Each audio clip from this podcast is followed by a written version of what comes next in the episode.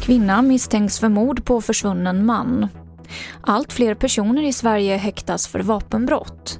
Och idag träder den nya utlänningslagen i kraft.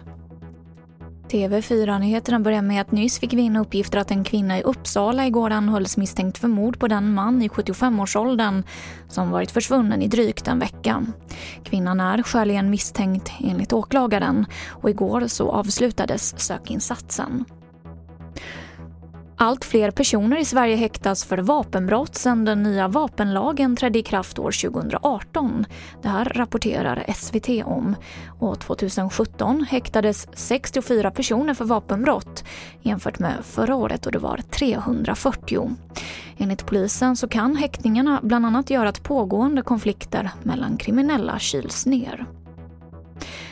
Europa har nu över 50 miljoner smittade av covid-19 och står för en dryg fjärdedel av alla smittade i världen. Det tog nästan ett år att nå 25 miljoner men bland annat så beroende på deltavarianten så har det bara tagit 194 dagar att komma upp i nästan 25 miljoner smittade. Och idag så träder den nya utlänningslagen i kraft som gör det svårare att få stanna i Sverige även för anhöriga. Tillfälliga uppehållstillstånd blir regeln och först efter tre år så kan man få permanent uppehållstillstånd om man kan försörja sig och inte har begått något brott.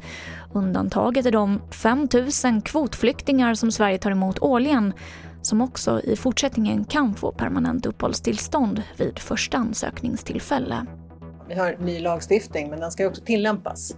Um, så att hur den tillämpas och hur det faktiskt blir i praktiken det är någonting som man kommer att få se i uh, hur Migrationsverket tillämpar reglerna och inte minst vilken praxis som kommer från domstolarna.